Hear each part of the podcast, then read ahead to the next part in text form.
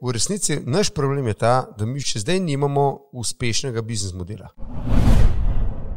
Prednost protonske je ta, da ima manj stranskih učinkov, druga pa da tudi sekundarnih efektov, torej ponovnega raka ali pa stranskih učinkov za tega je manj.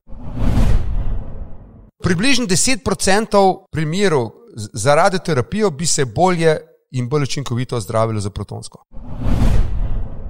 Če bi šel nazaj v času, pa bi pozabil, bi verjetno se še enkrat isto naredil. Ne? Ti veš, jaz se ne spomnim, ki je bilo to, ne. Aš kako unke mi je tisoč ljubic, pa zdaj ne točen, kje je bila, ne, ampak. Uh...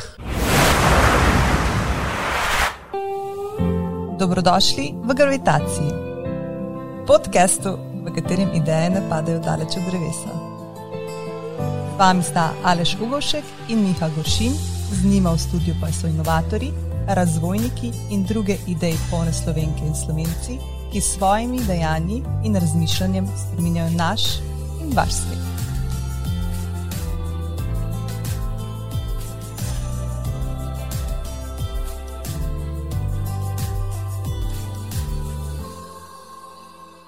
Lepo pozdravljeni v novi epizodi podcasta Gravitacija, v kateri bomo z Markom Pleškom zagrizli v temo zdravljenja raka s protonsko terapijo in tudi delno inoviranja v podjetju Cozy Lab. Epizodo pa tokrat vendarle začenjamo žalostno novico, ki nas je pretresla med prvomajskimi prazniki in sicer, da je v slovenskih gorah življenje izgubila naša redna poslušalka Urška Saletinger, ki je za prejšnjo epizodo pripravila tudi enega izmed treh izzivov za Vikija Pavliča.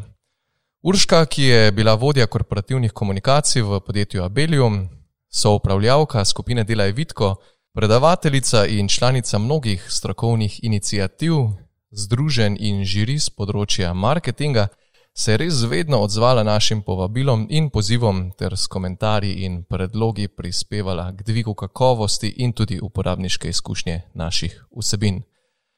Njena pot se je končala tam, kjer je bila na vse rada, v gorah in preko katerih je delno tudi živela svoj življenjski moto in sicer ne želim priti do konca svojega življenja in ugotoviti, da sem pravkar preživela njegovo dolžino. Tudi jaz bi rada živela širino tega.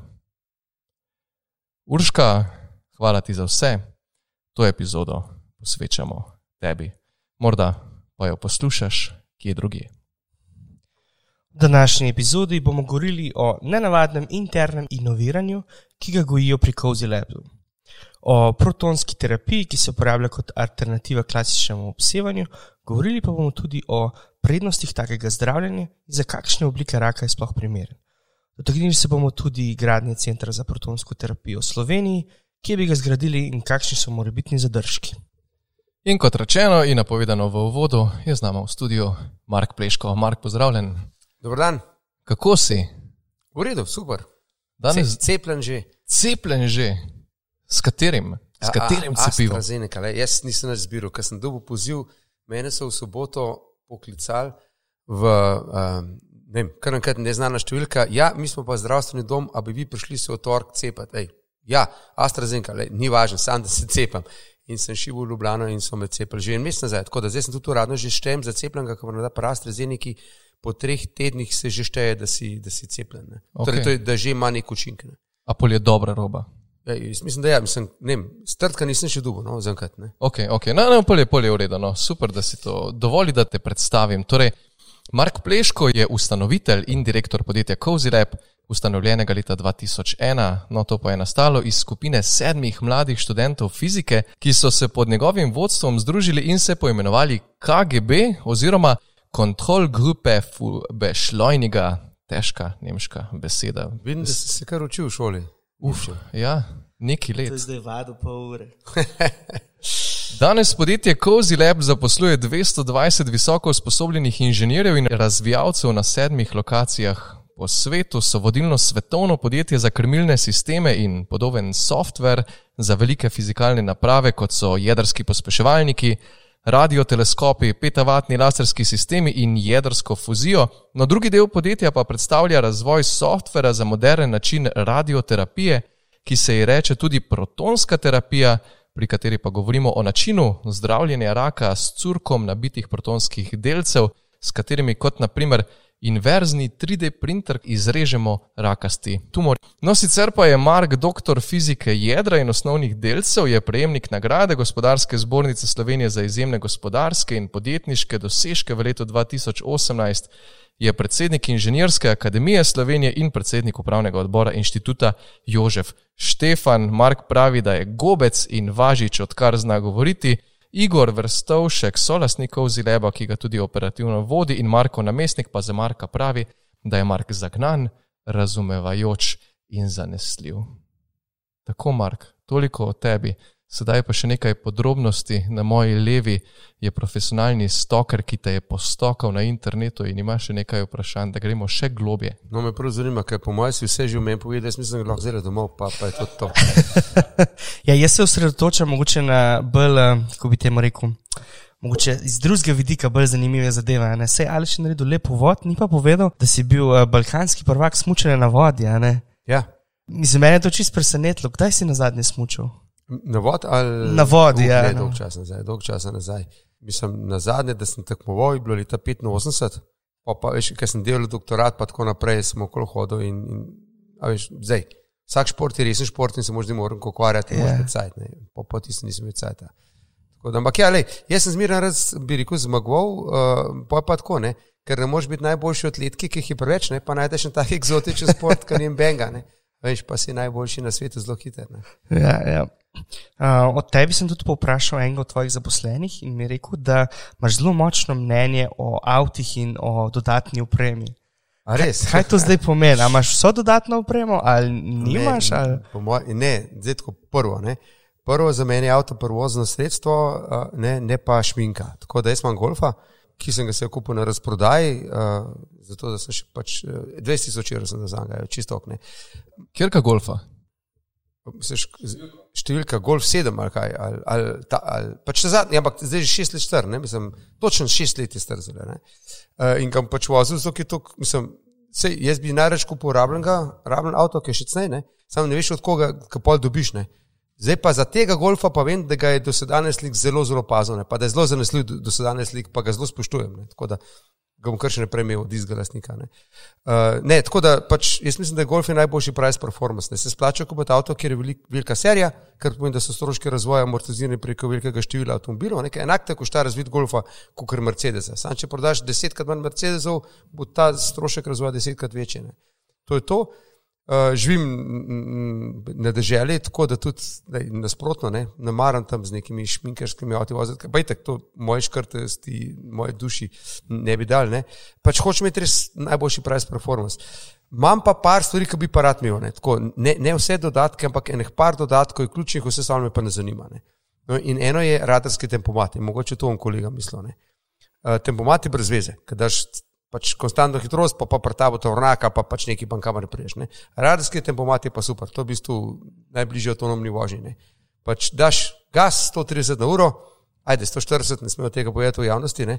pa itak števc malo preveč kaže, tako da jih prav in se vozim. Če pred mano eno leti, če tovornjak pač malo zabrenza, pa druga stvar pa hands free. Tako da lepo jaz zalaufam telefon, zalaufam radarski tempomat, jaz se eno uro imam vožnje v službo. 40 minut na avtocesti, tako da tam napoje zgorim, govorim, govorim. Če držuje, da mu malo večjo razdaljo na tem pomače, pa suha cesta malo bližje in to je to. Jo. In več rabimo v lifeu, no. v resnici ne. Ni, ni. Vse ostalo bi bila nepotrebna šminka. No, ko govorimo že o potovanjih, ne slišal sem tudi, da pred, COVID, pred temi hudimi COVID časi, da si imel sto potovanj v tujino na leto. Uh, zdaj, tako, jaz fulno maram potovati. Ampak kako že v Alan Fordu, če ste kaj brali, srb, bo hrvaški original, ni težko, kot se mora. Tako da sem pač šel na pot in to je to. Uh, in ja, imel sem 2019, sem 110 let, ne vem, če je ne, potovan, ampak leto, ker smo črtili na Kitajsko, imamo tako tri leta v eno smer, pa tri leta nazaj, ne Ljubljana, Frankfurt, Frankfurt, Beijing, Beijing pa še nekam. Ne. Da, uh, ampak jaz tega res ne maram, tako da za mene je COVID, ej, majka, jaz se smatram za veliko vojnega dobička, ker sem cel let doma, nisem šel v kamar, vsak dan grem v Italijo, no to res, ker živim dva km od meje, pa grem tam čez en gost, sprehajam, pa mal, ne, zavijem še v Italijo, pa nazaj in, in pa šparam vsak dan tam tažen 600 evrov ne, zaradi tega. Ne. Ker pač, če greš ven iz Slovenije, je kazen, v noto Italijo spet kazen, ne, pa pa za ven iz Italije spet kazen, pa nazaj v Slovenijo spet kazen, ne, če je 400 evrov kazen, uh, ne je to 1600 evrov na, uh, na prehod, ki sem ga pašparil. Ne. Tako da jaz vsak dan zaradi COVID-a pašparam 1600 evrov, ki jih ne plačam. Ne. Za, za zaključek Ampak tega, tega ne povedati, prosim. Ne. za zaključek uvodnega dela, ne, bi ti prebral en citat, pa me zanima, če veš, katera oseba ga je rekla, pa kakšno imaš povezavo z njo. Ojej. Don't meddle in the affairs of wizards because they are subtle and quick to anger. Ja, ja, to je seveda, valjda. Eh, Iz gospodarja prstanov, ne, eh, Gandalf in ja, to je recimo moj vzornik. A se, se čist prepoznaš v tem? Ali? Mislim, ej, čiš še ne, ne, ker nimam, nimam sivih las, pa dolge brade. Pa palce. ne palce pa imam. Ne, A, ok. ja, ne sicer uno njegovo fancy palce, ampak kadar hodim na sprehode in hodim vsak dan, hodim s palcem. Ne. Evo, saj to, pa doskrat imam kakšen klic, pod ko da v eni roki imam telefon, v dveh rokah, v eni roki držim dve palci in hodim. Ne. Tako da, evo, lej, se mu zelo približujem. Evo, Mark Gandalf, dovolj bo, dovolj bo o tebi. Ja. Uh, zdaj smo te pa res potipali. No, pa tudi vidite, Gandalf je rad veliko govoril, ne, tako da, evo. Uh, gremo na temo. Uh, dejmo se najprej dotakniti inoviranja v Cozy Labu. Se pravi, Cozy Lab nima nekega klasičnega inoviranja, večino dobrega sistema zbiranja malih koristnih predlogov, stalnih izboljšav, uh, na to selekcije in tako naprej. Glede na inovacije, ker vi se usmerjate v prebojne in disruptivne inovacije in mo- morda malenkost manj v stalne inovacije, imate predvsej logičen potem sistem, ampak drugačen od večine drugih slovenskih podjetij. Kako inovirate v Cozy Labu, kako to izgleda? Zdaj, Dajmo izhajati iz potrebe. Ne? V resnici naš problem je ta, da mi že, 20, še dve, že po 20 letih, firma je leta 20 let stara, ne? še zdaj nimamo uspešnega biznis modela. Še zdaj ne vemo, kako pravzaprav denar služiti. To je Se pravi, problem. še vedno se smatrate kot startup. In skozi je vsak dan je bitka za preživetje. ne. Uh, zato, ker zmeraj nekaj novega delamo in ker smo v takem področju, kjer, mislim, gledajte, Coca-Cola, ne, pač ljudje so ženi, okus je v redu in zdaj ne vem, če je poletje vroče, bojo malo več pil, če pa malo hladno, malo manj, ne, pa če dvakrat več reklam dal, bo pa ljudje dvakrat več kobal Coca-Cola namesto Pepsi Cola in to je to. Ne. Pa poenostavljam seveda. Ne. Kar pa mi delamo je pa tako, da Lej, a nas rabijo, a nas ne rabijo, a jih prepričamo, da nas rabijo. Ne? To pomeni, da v bistvu stalno se moramo nekaj novega zmisliti, da sploh ljudje od nas kupijo. Zdaj, je to dobro, verjetno ni, ne? a je to naporno, je, ampak je pa mogoče to naša tako moja prednost, ne? ker meni drugim se ne bi dal toliko, bi rekel, se matrat pa truditi, pa bi rekel drugega dela. Ne? Ampak glede na to, da imate zaposlenih 220 ljudi, oziroma nekje okrog 220, nek sistem morate imeti. Očitno, ja, Lej, ne, ne me vprašajte, jaz sem sam direktor, jaz spominjam, kaj se dogaja. ne. Ampak mi gre se že skoraj 300, mi smo zdaj med koji časom, smo mislim, jih 60 ali 70 ljudi zaposlili. Ne. Ja, imamo, imamo ideje ne, uh, in, in delamo. No, ampak sej, to je tisti inovinar. Skratka, če bi imeli mi en tak utečen posel, ne, potem bi bile seveda te inovacije smiselne, tiste mehne inkrementalne inovacije. Ne, Človek za strojem, ne, ko dela produkt, ugotovi, če ga okolje obrne, da je pa cenejša, pa hitrejša, pa nekaj. Ne. To so te inovacije. Ne. In, in tako pa zbiramo ideje in jih združujemo. Klej pa res pa dejansko mi gledamo, e, kaj pa sploh lahko naredimo, ne. kako pa zdaj, kaj pa ljudje sploh rabijo. Ne. Tako da to, to, to je tista stvar. Ne. In pol, uh, no, če zberemo najtežji problem in se ga lotimo. ne. Tako da za- zato ni, ni ta tista inovacija pri nas. Ne. Aha, Taka, ta, ta inkrementalna, recimo, ali pa nabiranje idej. Ne. Pa tudi to nič ne pomaga. Mi smo, imamo zelo veliko pametnih ljudi, ne. tako da idej ni problem. Ne. Vse poznate, no, imam, škoda, da je krav umrla, imamo še toliko idej. ne. Uh, pa, pa ne se to stalnica, tako da treba dejansko nekaj narediti. Ne. To je pa dosti težje v resnici. Ja, in ena izmed teh pametnih ljudi je tudi uh, Jasna Hengovič, ki je inženirka leta 2020. Ja, a ne? ja, ja. Pa še precej ostalih uspešnih ljudi. No, zanimivo je, kako izbirate te ideje. In ko se reče, lotimo se najtežjega problema, potem pa samo malenkost pove, kako se lotite potem tega problema. Ja, to, če poznate un vic od, uh, a veste, kaj so enkrat, zdaj tega ne smem povedati več v taki obliki, ker je politično nekorektno, ne, ampak skratka, enkrat so otroci ukradli, oziroma tako je bilo. Uh, na železnici so imeli neke tračnice, ne, nekje spravljene, pa so te tračnice zginile. In pa so jih nekje najdel, pa enemu doma na dvorišču, ne, pa se reče, kaj, kaj ste to ukradli? "Ma, To so otroci tam. Prav, kako otroci, to le ima, veš, to ima 400 ton, to, eh, kako otrok ve, kaj je to 400 ton, prime pa nese. Ne. In tako je pa nas isto, ne, pač, če bi mi res vedeli, ne, koliko je to težko, pa a bo trg to sploh res hotel, pa ali ljudje to sploh hočejo, ne, se verjetno tega ne bi lotili. Ne. Tako smo mečken naivni, mečken zagnani, mečken predrzni, pa nekako to skupaj zložimo v nekaj. In pa tudi tako, včasih na rata, pogosto pa ne. Ne. V normalnem poslu, če ti od treh prilik ena uspe, je to že velik uspeh. Tako, tako da, ej, ne. Tu smo, čakamo pa še na tisti veliki metne, da bomo pa res cari, pa boste rekli, wow, ne, tako kot recimo Krapovič, ne njemu pa, a pa ne vem, pipistrili pa taki. Ne. Te, to, te so res cari, ki so najdel neko stvar, ki ljudje rabijo in masovno proizvajajo. Ne. Marko, menil si Akrapovič in Pipistrel, koga v Sloveniji zares spoštuješ? Verjetno obe dve podjetji in uh, kar vse. Le, jaz mislim, da prvič vsakega podjetnika, ej, mi gre zanimivo, ne?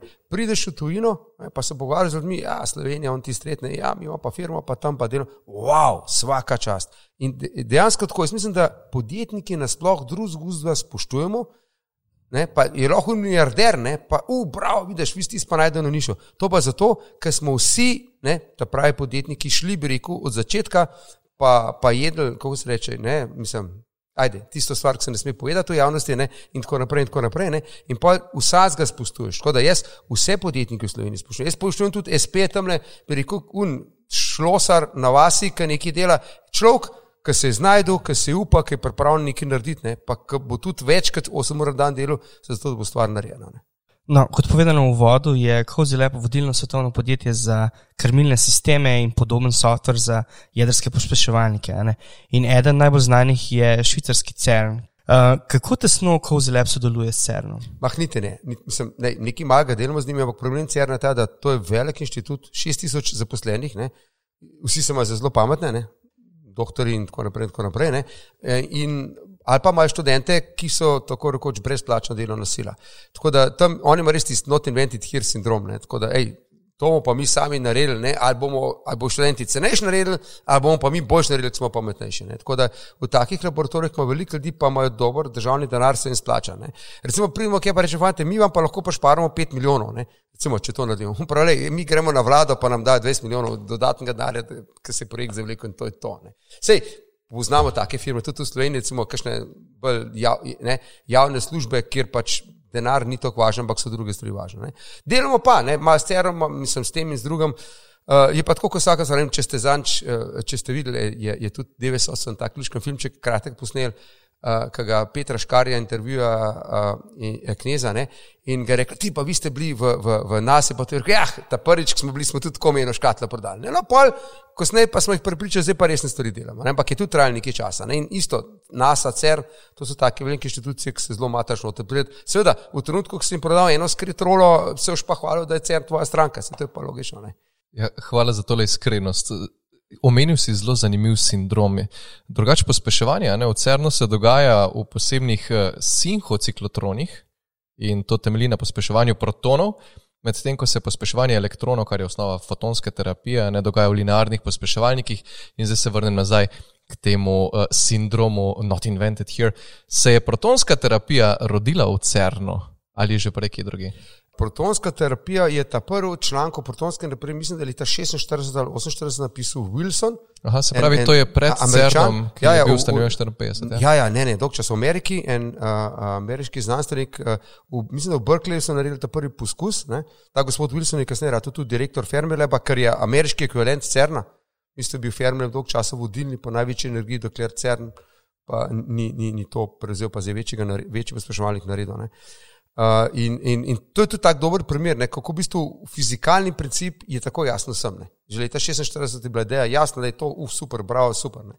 Potem pa koliko časa traja, da, tate, da rekel, prvič ideja prodre v medicino, ker že itak medicina je konzervativna, Hvala Bogu, ne, verjetno, mislim, zdaj, če bi jaz prišel k tebi in rekel, da imam neko inovativno cepivo proti COVID-u, da imam malo provat, pa bom videl, da tudi verjetno ne bi šlo to. Ne. Tako da je prav, da eno, drugo, torej eno so zdravniki, ki so konzervativni na metode, drugo pa tudi sama tehnologija. Ne, zdaj, pospeševalnik zgraditi je vse relativno drago.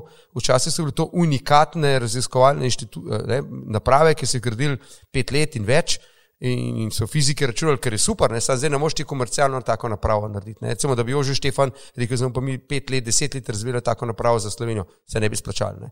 No, uh, pač počasi, počasi so tudi ljudje dobili dobre ideje, malo bolj kompaktne rešitve in pa tudi zdravstvo je zmeraj bogatejše, zmeraj več narod zapravlja za zdravstvo in pa, evo, zdaj se začet, začne to dogajati, da, da je stvar, bi rekel, tudi ekonomično postaje zanimiva.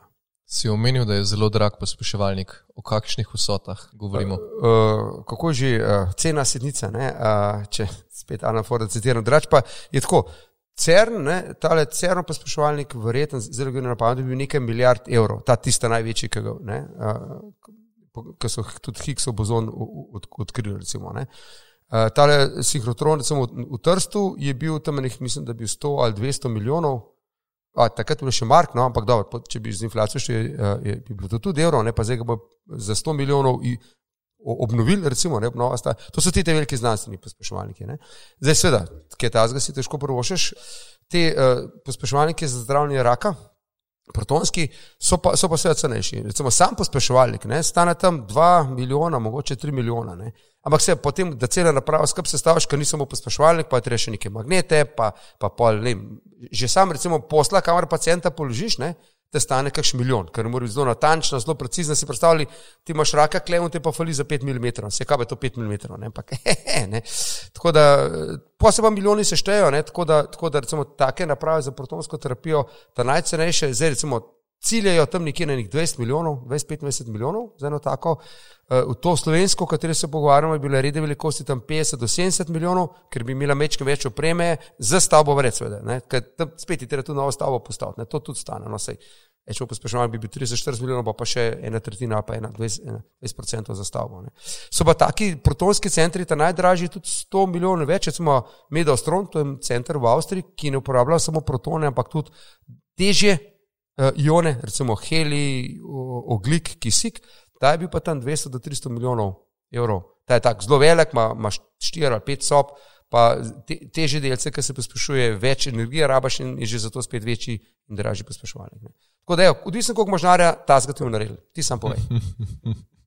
Ni pa Mark protonska terapija, ne, glavna terapija za zdravljenje raka, ampak so trenutno bolj prisotne in razširjene druge, jih lahko samo morda našteješ. Ja, v bistvu so tri ključne, tri glavne terapije. Pa, eno je, eno je seveda kirurgija, ne, tako da če se da, recimo kožni rak, ga raje odrežemo in to je to. Ne. Potem je kemoterapija. Princip kemoterapije je ta, da imamo zastrupati človeka, pa upamo, da bo rak mal bolj zastrupljen kot človek. In, in dejansko je treba prvo zračunati. Če daš premalo strupa, raka ne ubiješ, če daš preveč struka, vse veš, kaj ljudem lase izpade in tako naprej. In v bistvu iščeš zdravniki tisto optim, optimalno točko. Ne. No, ta tretja varianta je pa radioterapija, je pa obsevanje. Isti princip spet, ne, radioaktivnost vemo, da je škodljivo za celice, ne, ampak probamo obsevati rakave celice bolj kot ostale celice. Ne. Zdaj, prednost radioterapije glede glede na kemoterapijo je to, da kemoterapija za strup celega človeka, ne, radioterapija se pa vsem da malo smrt. Ampak še zmeraj je radioterapija relativno širok snop, ki gre potem čez celo telo in zdaj si predstavljaj, da imaš ti raka, nekje zadaj imaš pa hrbtenico. Ne zdaj boš ti obseval raka in ga boš tudi ubil, pa boš pa še hrbtenjačo uničil. Ne? Pa je človek rata, recimo, uh, uh, paraplegik ali pa kaj tazga. Pa ne, uči, ne? imaš pač raka na očeh, ti se jo hočeš uničiti raka, nočeš pa poškodovati očesnega živca, ker pa bi lahko tako takoj vnozel. No, in zato, da si pa bolj precizen, ne? zato raš po protonsko terapijo. Ne? In recimo, lih rak na očesih, protonska terapija, mislim, da ima 98% ali nekaj tazga uspešnosti. Ne? Tako da res vrhunsko. In tudi kirurško se ne, ne da, ne moš učesati kot pred, pa začeti z nožem noter, noter rezati. Nekakšni raki so pa se bolj primerni za, za, za drugačno zdravljenje. No, ampak, če recimo zdaj začnemo pri osnovah, pa poskušamo to protonsko terapijo predstaviti na način, da bi recimo jaz razložil svoji babici ali pa ja. nekomu. Ja. Kako bi zdaj začel razlagati, kaj je proton? Proton je jedro vodika. Zdaj, evo, če ne veš, kaj je to jedro, pa če ne veš, kaj je to vodik, ne, imaš težave. Smo že tam, ja. Ne, ampak, ej, bom babici razložil. Ne. Babica, a ti veš, da je v bistvu da zrak, ne, zrak ni, kukar, a pa voda, ni kot tekočina, ampak je dejansko sestavljena iz mehkih krogelc, ki druga čez drugo teče. Vem, babica, da mi tega ne verjameš, ker se tega ne moreš predstavljati. Ne. Mi gre, moj ded, moj ded je meni govoril, da ne verjame, da se zemlja vrti, ne, zato ker on je bil včeraj tam in je čakal, čakal ne, in ni prišel domov, ker se zemlja izraja. Je res, resno mislim to. Ne. Mislim, preprost človek, mi je tudi razlagal, rekel, hej, jaz sem hodil na visoke šole, jaz sem šel na vrh hriba ovce past. Ampak dejansko on je bil tako, par mesecev v osnovne šole so bili tako krivni, da je šel boso šolo, pa je bil na rodno šolo hoditi ker ni več, ampak pustimo to zgodbo. Ne? Če gremo nazaj na babico. Ne? Skratka, svet je sestavljen iz kroglic. Recimo voda so kroglice, ki se dotikajo in druga čez drugo se kotalijo in vrtijo in zato imaš občutek, da voda teče. Če daš roko noter, kroglice odmakneš in, in zato gre voda okoli tebe. Ne? Zrak so pa ravno tako kroglice, samo so pa bolj redke, pa bolj tako kot ping-pong žogice skače in se drugo od druge odbijajo. No, in te žogice, tem žogicam rečemo atomi. Tako. Zdaj se pa izkaže, da te atomi v resnici, kot izpadajo kot navadne žogice, v resnici imajo pa eno jedro, ki je izjemno mehko, pa eno voj okol, ki je električno. In zdaj, če uspemo ta voj dol spraviti, dobimo eno mini, mini kroglico, ki je tako ostra kot čivanka. No, in te kroglice, ostro kot šivanko, samo milijonkrat, milijardokrat manjšo, bomo streljali točno na mesto, kjer je tumor. Valjda ta šivanka je tako tanka, da gre celo skozi telo, da niti ne poškoduje, ko gre skozi, ker tudi telo je sestavljeno iz kroglic. In če natančno vidimo, bomo šli vmes, tako kot ti, ki šivaš šivanko, ki greš skozi blago, ga ne strkaš, bomo šli lepo skozi do tam, kjer hočemo imeti. Uh, super predstavitev. Uh, zdaj pa se pravi, ko grejo te žarki, a ne čez telo, oziroma ko pridejo do tega tumorja, kaj se pa tam zgodi? Tam se pa zdaj nekaj ključnega zgodi. Ja, zdaj, to je pa zdaj en fizikalni pojav ne? in to je lih tista ideja, bila takrat leta 46, ne? slučajno, je, pač, ko, ko pride, ne, v fiziki se izkaže. Ne? Fotoni, torej klasična radioterapija se uporablja fotone, to so pa spet ene specialne delci, ki so v resnici kot krvalovanje. Te grejo skozi telo, pa jih je zmeraj manj, ampak grejo skozi koliko svetlobe, grejo skozi šipo. Klej vidimo, imate malo mal zatemnjene šipe, ne? pa gre malo manj svetlobe, če je pa bolj prozora šipa, bi pa šlo več svetlobe skozi. Ne? Ampak gre zmeraj skozi. Ne? Protoni, ker so pa nabiti delci, se pa ustavljajo v telesu. To je kot avto, ki pač, ne, to, če se guma kotoli, bi se kar kotoli kotili skozi, če pa guma blokirana, pa drsi in se stav. In zdaj se pa izkaže to, da na mestu, kjer se protoni ustavijo, naredijo največ škode. Najbolj poškodujejo tkivo tam, kjer se ustavijo. In kaj boš zdaj naredil? Ti boš zračunal, fiziki pa to znamo, ne? da boš šli s tako hitrostjo v telo, da po poti skozi telo se bojo ustavljali, ustavljali in se bojo ustavili na mestu tumorja. In bojo tam, kjer je tumor, največjo škodo naredili. In to je točno to, to pa mi hočemo, ne? da ne poškodujemo ostalega tkiva, ali pa vsaj manj, tam, kjer pa tumor pa največ. Ne? In zdaj se, ker je tumor pa tridimenzionalen, moramo imeti različne hitrosti. Sprednji del tumorja je mal manjša hitrost, ker se mal prej ustavi, zadnji del tumorja imamo mal večjo hitrost na začetku, ne? da se mal kasneje ustavi. Ampak isto točno tako. Ne? In zdaj pa še ta eleganca, ker so protoni pa nabiti, smo rekli, električni naboj, jih pa lahko usmerimo z magneti. To je lahko tudi tvoje babice razložim, ampak enkrat drugič, recimo. Ne? In zdaj imamo v bistvu tako, kot smo rekli, trimenzionalni printer, ne? za magneti usmerjamo protone levo, desno, gor, dol, na ta način poskeniramo površino, globino skeniramo, pa s tem, da povečujemo hitrost, a pa zmanjšujemo hitrost. Evo, to je to. Super. Mislim, da je to zelo vizualna predstavitev, zelo jasna. Uh, se pa tukaj pojavlja eno zelo očitno vprašanje. Ali je to zdaj cenejša oblika zdravljenja ali dražja oblika zdravljenja v primerjavi z drugimi oblikami zdravljenja? Ali pa boljša ne, oblika zdravljenja. Zdaj pa, zdaj pa vprašanje je, kaj je cena zdravja. Recimo, evo, zdaj pa tako le to vprašam. Ne. Če ti je srečam, imamo dve metodi za te pozdraviti. Ena stane 10 tisoč evrov, ena stane pa 100 tisoč evrov. Una 10 tisoč evrov je 10% šans, da preživiš. Ne. Una 100 tisoč evrov je pa 90% šans, da preživiš. Kaj boš naredil? Mislim, da je tukaj izbira jasna. Ne? Ne? Dobro, sej, sej, v resnici ni čisto simpel, ker Dej, če, pa, če tega denarja nimaš, ne, pa če ti ga mbe na posodu, recimo, to je eno, drugič lahko tudi pri teh 90% lahko vse umreš, pa se rečeš, oziroma pol, nekaj še v nebesih, se kvasem da odnar. In, in, in zato, ker veliko ljudi zboli, moramo najti nek optimum za nacionalno zdravstvo. Se to je največja umetnost v zdravju. Ne. Mi valjda hočemo pacijenta najbolj zdraviti, ampak na koncu je važno, da posameznika najbolj pozdravimo ali pa da čim več ljudi na nek poprečno najboljši način pozdravimo. Ne. Torej, dražja je protonska terapija, kaj pa časovna komponenta? Je to hitrejše zdravljenje, počasnejše, primerljivo? Uh, je primer, torej, tako, radioterapija in protonska terapija sta primerljivi metodi. Sicer zdaj so odkrili neko novo finto, da bi mogoče protonska terapija lahko celo z enim samim obsevanjem pozdravila, to bi bilo idealno. Pri radioterapiji imaš to nek 20krat, odvisno, kaj imaš, pa kako, ampak greš 20krat z zdravnikom, vsak en, enkrat na dan ali enkrat na teden večkrat hodiš. Ne? Pri protonski imajo pa eno metodo, novo, ki se reče flash, ampak ta deluje zaenkrat samo na miših. Mislim, so jo sprožili na miših. Mislim, da so prvi klinični test naredili zelo pred kratkim, ne? na, na ljudeh. Ne? Ampak drugač pa ja, enako časa traja. Ne? Prednost protonske je ta, da ima manj stranskih učinkov. Ne? To pomeni, da boš ti kasneje moral še enkrat zdravniku. Recimo en tak primer, zelo viden je to, da zaradi radioterapije doskrat imaš žgano kožo ker pa radioterapija je največji učinek na površini telesa. Ne? Zdaj, ej, pač imaš žgano kožo, pa te peče. Ne? Ampak, lej, če te pa ne peče, pa je tudi v redu. Recimo, to je eno. Drugo pa, da tudi sekundarnih efektov, torej ponovnega raka ali pa stranskih učinkov za tega je manj, zato se protonsko terapijo predvsem uporablja torej izključno pri otrocih. Temu se reče pediatrični rak, torej če ima otroci raka, ne, potem, če se le da, se jih pošlje na protonsko terapijo. Zdaj v Sloveniji se, se jih ne pošilja toliko, ker enostavno je predrago, ker če imaš tega raka, ki se hitro razvija, imaš dilemo, ali ga boš poslal v tujino, ampak bo trajal en mesec, da se da pokličeš, da rezerviraš, da, da vse zorganiziraš, pa da greš starši zraven, ali ga raje tako zdraviš z malce slabšim takšno metodo, ampak ga boš takoj zdrav, tako se moraš zdravniki odločiti. Če bi pa imeli to vse v Sloveniji, ne, potem pa ne bi bilo te dileme, bi pa zdravniki rekli, ta metoda je boljša kle, ta metoda je boljša kle, gasne. Se pravi, protonska terapija je primerna predvsem za otroke, a še za karkoli drugega, ker vsega pač ne zdravimo. Ne, Ja, ja, tako približno 10% primerov za radioterapijo bi se bolje in bolj učinkovito zdravilo za protonsko. A? In to so primeri, lahko specifično poveš, za kakšne torej, primere torej- gre. Rekli smo tam, kjer je, kjer je nevarnost sekundarnih efektov. In za- zakaj pri otrocih? Zato, ker če poškoduješ druge celice, se lahko tam razvije nov rak. Ne? Zdaj, jaz sem že star, ej, meni itak moje celice se razmnožujejo več, pa kmalu bom umrl. Preden se mi pojavil rak, bom že mrtev. ne. Otroci, ki so stari ne, par let, ne, se pa celice blazno hitro razvijajo. Ne. In se bo ta, če se ena celica raka tam nova naredi, se bo zelo hitro razširila. ne. Tako da to je to. Drugo je, če je rak v bližini enega zelo občutljivega organa. To smo rekli, ne hrbtenica, recimo, ali pa srce, ali pa pač ne ledvice, karkoli, ne, da ta organ ne boš obsegel, ali pa v možganih in tako naprej. Ne. Tam so, tam so. Pol je pa, pol, mi gre, to je tudi zanimivo, pa ni, pa ni za protonsko, ne, ampak dejansko so nekatere raki bolj občutljivi na sevanje, nekateri raki manj, eni so bolj, se jih bolj za strup, eni raki so bolj občutljivi na protone, eni bolj na, na fotone, eni bolj občutljivi na oglikove ione. Tako da i, zanimivo, ne, v bistvu rak, mi smatramo rak kot eno bolezen, resnici pa to sploh ni, ne, to je eno ime za cel skupek precej različnih bolezni. Ne. No, in zdaj, ko smo že glih pri tem, ne, da bi, bi lahko to spravili v življenje, nekaj si omenil, da tega nimamo v Sloveniji, ampak vseeno so pa plani, a ne pa ambicije vzpostaviti nacionalni center za protonsko Tako, terapijo. tako. In o tem se že res lep čas govori, o tem poslušam že, že več let.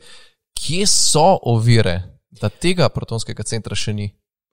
Eh, ne, se niso uvirali. Rim tudi ni bil zgrajen v enem dnevu. Ne. Pač delamo počasi na tem ne, in, uh, in dejansko lej, pet let nazaj smo prišli s to idejo. Ne. To idejo smo zanimivi. Mi se ukvarjamo s protonsko terapijo že nekaj 10-12 let in smo jim tako rekli, ej, a ne bi bilo fino, da bi Slovenija to imela, ampak smo rekli, brez veze, se, ej, ne, predrago, prevelik, ne, vem, koga pa to zanima.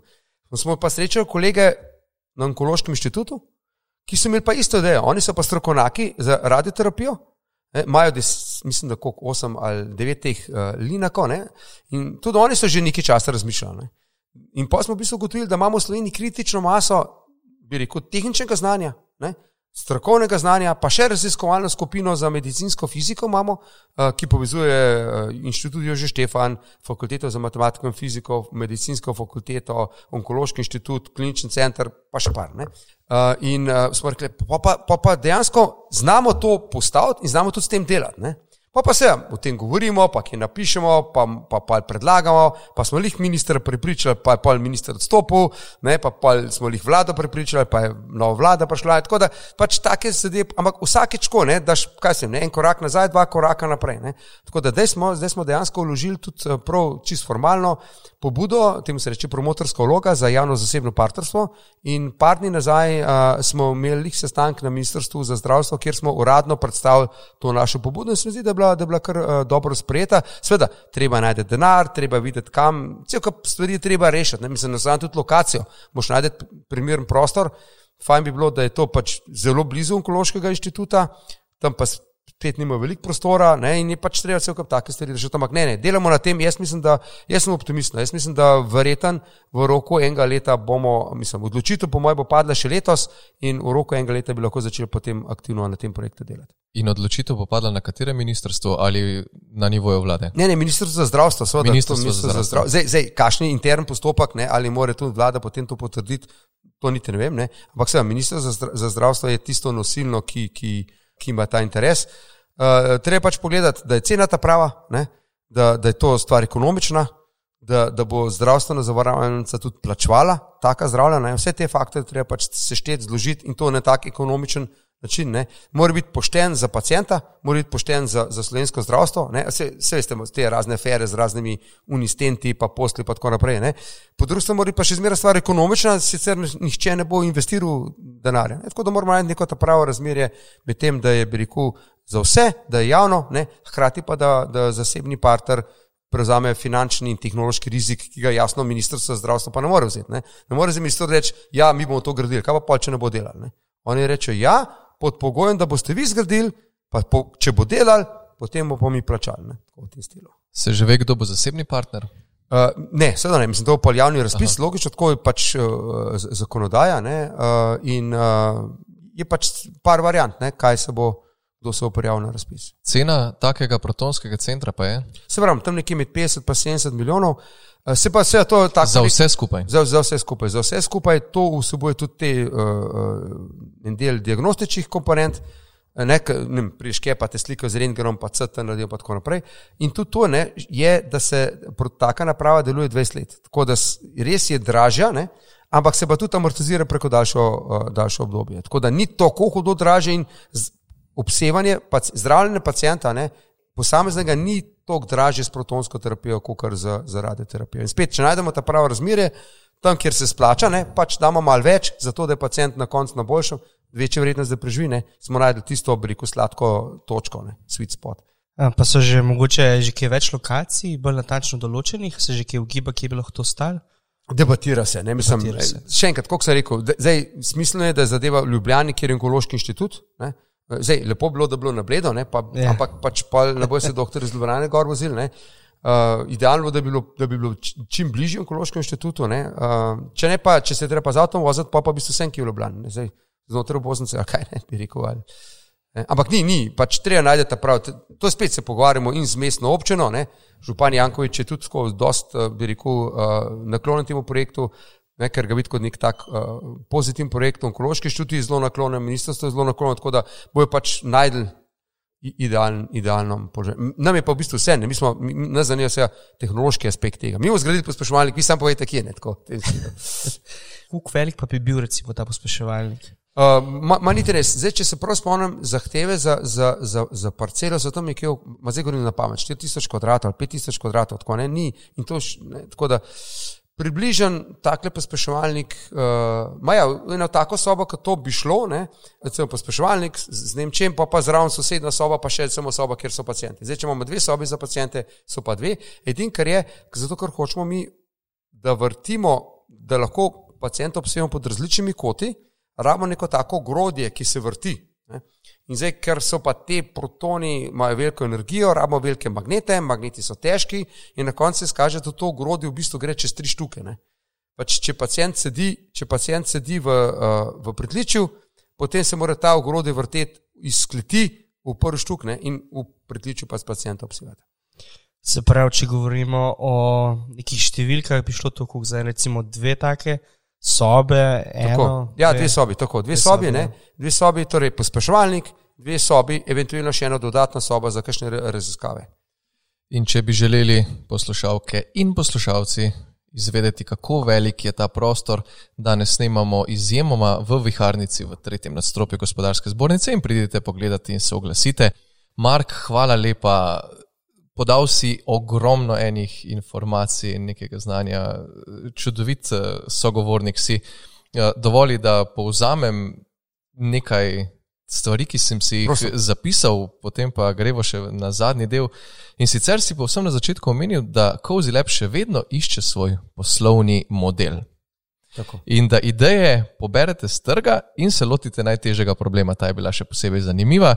Omenil si, da je prvi članek o protonski terapiji nastal oziroma je bil objavljen leta 1946 v Ameriki, kar je pred nastankom CERN-a, ko smo govorili o Higgsovem bozonu in o CERN-u, da so trenutno najbolj razširjene oblike zdravljenja raka, kirurgija, kemoterapija in radioterapija oziroma obsevanje da pa vedno bolj prihaja tudi do pomembnosti protonska terapija in da je eh, uspešnost protonske terapije pri zdravljenju raka na očesu, kar si izpostavil 98 odstotna.